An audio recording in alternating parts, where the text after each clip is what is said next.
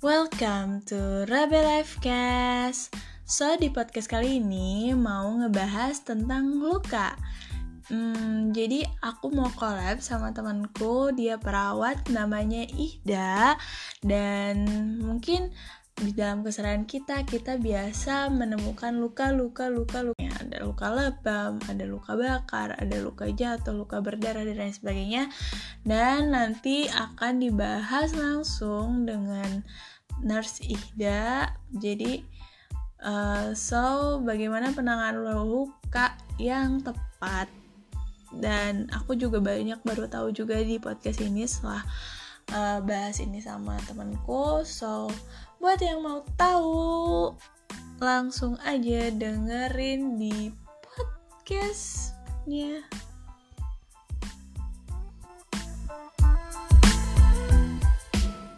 Halo Ihda, apa kabar?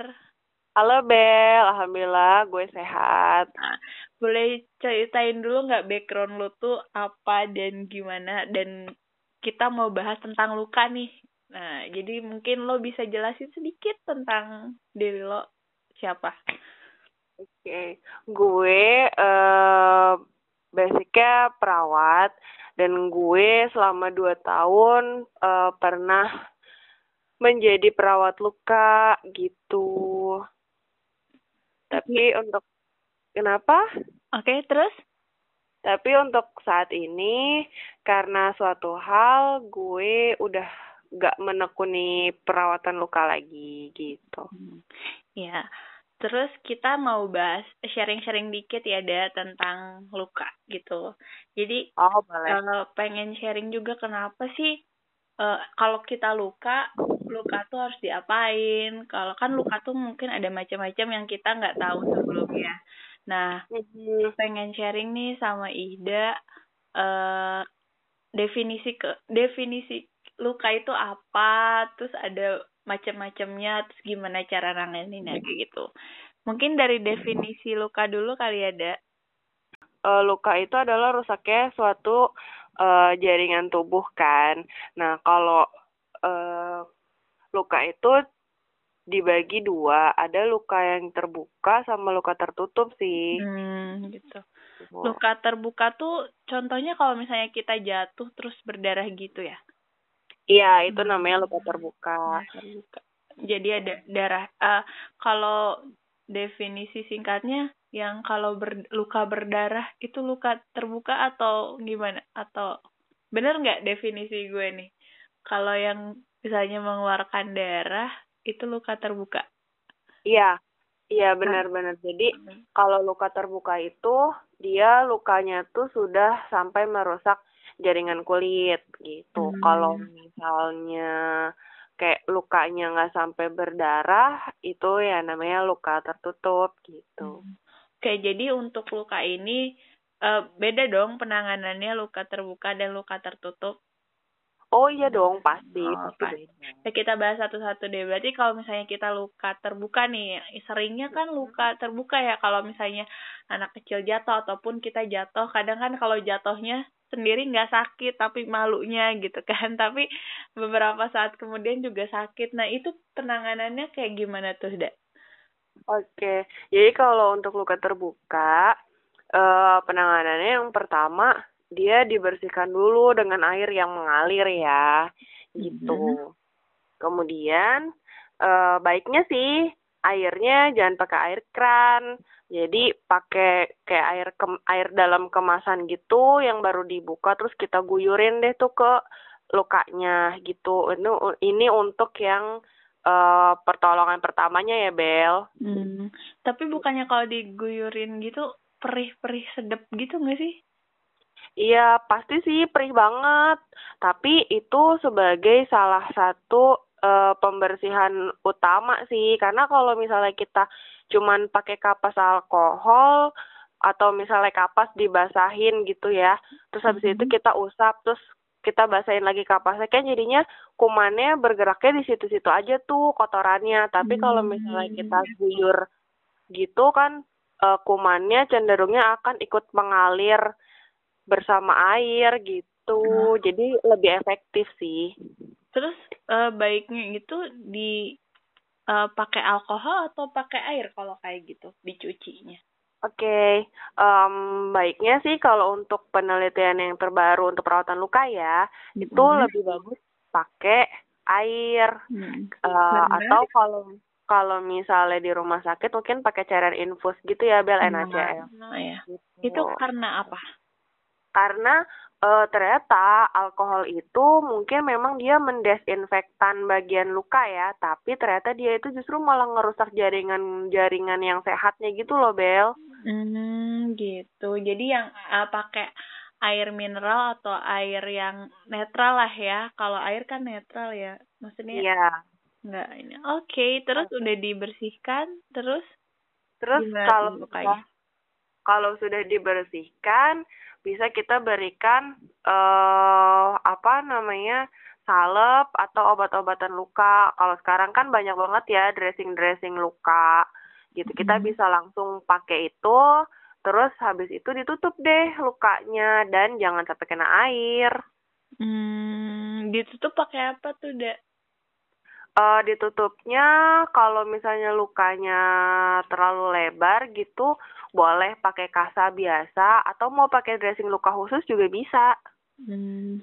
Kalau misalnya pakai antiseptik kayak iodin gitu bisa atau atau ditutup aja udah dibersihin pakai kasa. Eh, pakai kasa kan maksudnya? Iya.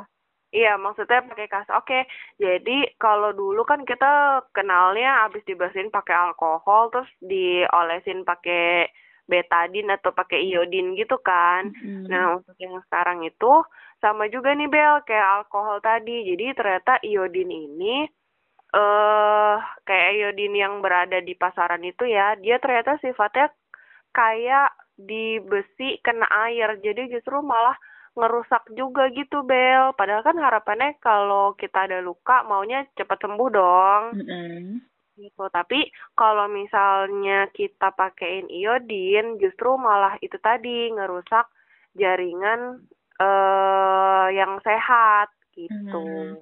Jadi baiknya setelah dibersihkan langsung aja ditutup pakai kas ka, kain kasa ya. Iya, langsung ditutup. Dan dan jangan kena air. Kena air hmm. gitu. Atau kalau misalnya ada salep-salep luka itu boleh banget tuh dipakai gitu contohnya, karena macam-macam. Kalau contohnya salep luka tuh apa tuh?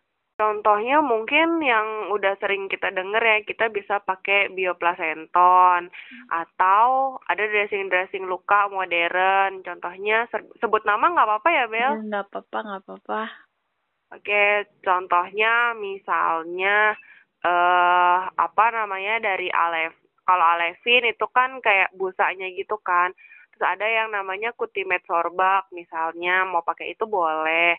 Atau kayak dariatul atau sofratul dipakai itu juga bisa.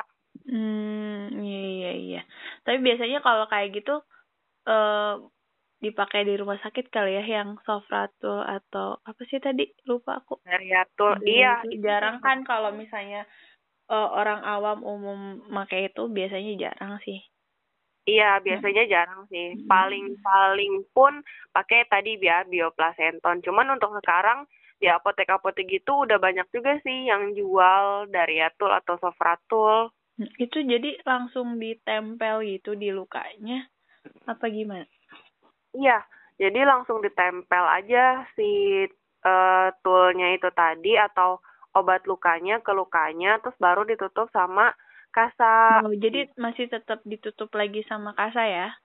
Iya, hmm. jadi biar eh, nggak uh, apa ya nggak kena udara langsung gitu sih karena hmm. kalau kena udara langsung kan cenderung lukanya bakalan cepat apa namanya nanti jadi malah kayak kering kerontang dan jadi korengan gitu kan hmm. itu yang justru dihindarin sih sebenarnya jadi fungsi dari uh, penutupan luka pakai kasa itu biar kulitnya lembab dan enggak terlalu kering ya. yang ya. yang bahkan kalau kering itu bisa merus apa ya istilahnya jadi membekas uh, kali ya. Mm -mm. Uh, jadi menghambat proses penyembuhan lukanya sih. Karena uh, seben jadi ternyata kalau kita luka itu akan lebih cepat sembuh dan cenderung lebih bagus hasilnya ketika kondisi lukanya tuh lembab gitu. Hmm, Oke. Okay. Oke, okay, tadi uh, udah ya, Da, untuk penanganan luka terbuka. Mm -mm. Terus tadi kan ada dua, juga luka tertutup. Kalau luka tertutup itu biasanya di case-case kayak kita kejedot, terus kebentur atau kita jatuh gitu atau kena benda-benda tumpul sih cenderungnya. Hmm, ya jadi si darahnya tetap ada pendarahan mungkin di dalam tapi nggak sampai keluar gitu ya. Yap, betul banget. Hmm, gitu. Makanya nanti biasanya uh, warnanya suka tiba-tiba berubah kan dari awalnya merah jadi terus habis ungu gitu ya. Ungu, Iya, terus habis itu lama-lama hitam, selama-lama pulih. Nah, gitu. Oke. Okay. Penanganannya gimana tuh?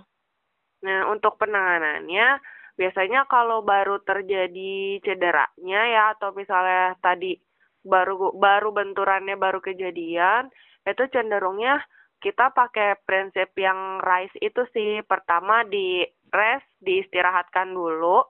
Kemudian mm -hmm uh, I-nya itu di ice, jadi kita kompres dingin dulu. Mm -hmm. Terus habis itu uh, apa C C-nya itu uh, kompresi. Jadi kita meminimalisir uh, penekanan eh pemberian tekanan ke arah sana. Mm -hmm. Ke, ke di area luka. Iya. Terus habis itu sama di E, E-nya tuh elevasi. Jadi kondisi yang tadi ke kebentur itu kita tinggiin tuh harapannya biar me mengurangi perdarahan. Karena kalau kita sejajarkan atau lebih rendah dari jantung, kan nanti aliran darahnya akan semakin banyak ke sana kan. Jadi mm -hmm. uh, nanti perdarahannya akan semakin banyak tuh ke area yang, yang ke area yang terbentur gitu. Makanya hmm. kita tadi ditinggiin, diistirahatin, terus habis itu dikasih kompres dingin. Tujuannya itu tadi biar darahnya itu nggak banyak yang ke area benturan sehingga nanti uh, area area yang rusak atau pembuluh darah yang rusaknya itu nggak banyak gitu. Hmm. Terus fungsi uh, dikasih es di area yang lebam itu sebenarnya apa sih? Itu tadi buat uh, dia itu kalau kita di kalau kita kasih kompres dingin itu kan nanti pembuluh darahnya akan cenderung mengecil kan. Jadi perdarahannya perdarahan di area benturannya itu jadi minim gitu loh Bel. Hmm. Makanya uh, nanti biasanya kalau yang area uh, penanganannya tepat biasanya tuh memarnya tuh juga nggak terlalu parah gitu.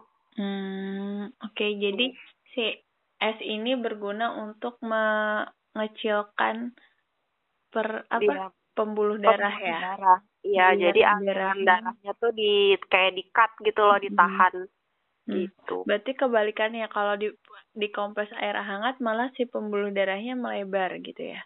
Iya, hmm. malah nanti uh, perdarahannya semakin masif gitu. Itu biasanya untuk di golden time atau di waktu-waktu awal sih sesegera hmm. mungkin kalau misalnya udah lewat beberapa jam gitu biasanya sih nggak usah lagi di di kompres dingin ya hmm gitu mm -hmm. oke okay. ada lagi yang mau di share tentang perawatan luka luka terbuka jadi aku baru tahu nih yang definisi luka terbuka dan luka tertutup dan ternyata juga cara penanganannya beda Mungkin Ida ada yang mau di-share lagi tentang luka? Oke, mungkin uh, apa namanya? Untuk yang tadi luka tertutup ya agak ke skip sih. Jadi uh, itu kan harus kondisinya lembab kan, jadi jangan sampai kena air. Nah itu jangan sampai terlalu kering juga gitu Bel. Mm-hmm. Jadi perlu dikontrol tuh misalnya setiap hari kita ganti balutan lukanya atau bisa dua sampai tiga hari sekali kita ganti gitu. Jadi jangan sampai terlalu kering juga. Kalau misalnya ditutup terus seminggu nggak diganti-ganti kan kering juga ya. Diganti kondisi. berapa? Dua sampai tiga kali sehari? dua sampai tiga hari sekali. Oh gitu. Oke. Okay. Ada lagi? Um, udah sih itu aja. Mungkin lebih uh, hati-hati aja kalau misalnya ada luka perawatannya gitu. Jadi nggak bisa sembarangan dan kalau bisa hindarin alkohol dan povidone iodin untuk membersihkan luka, termasuk rivanol gitu ya. Oke. Okay. Thank you Ida sharingnya. Semoga hasil sharing ini bermanfaat buat teman-teman yang dengar. Iya, semoga bermanfaat ya. Sukses Bel untuk podcastnya. Thank you Ida.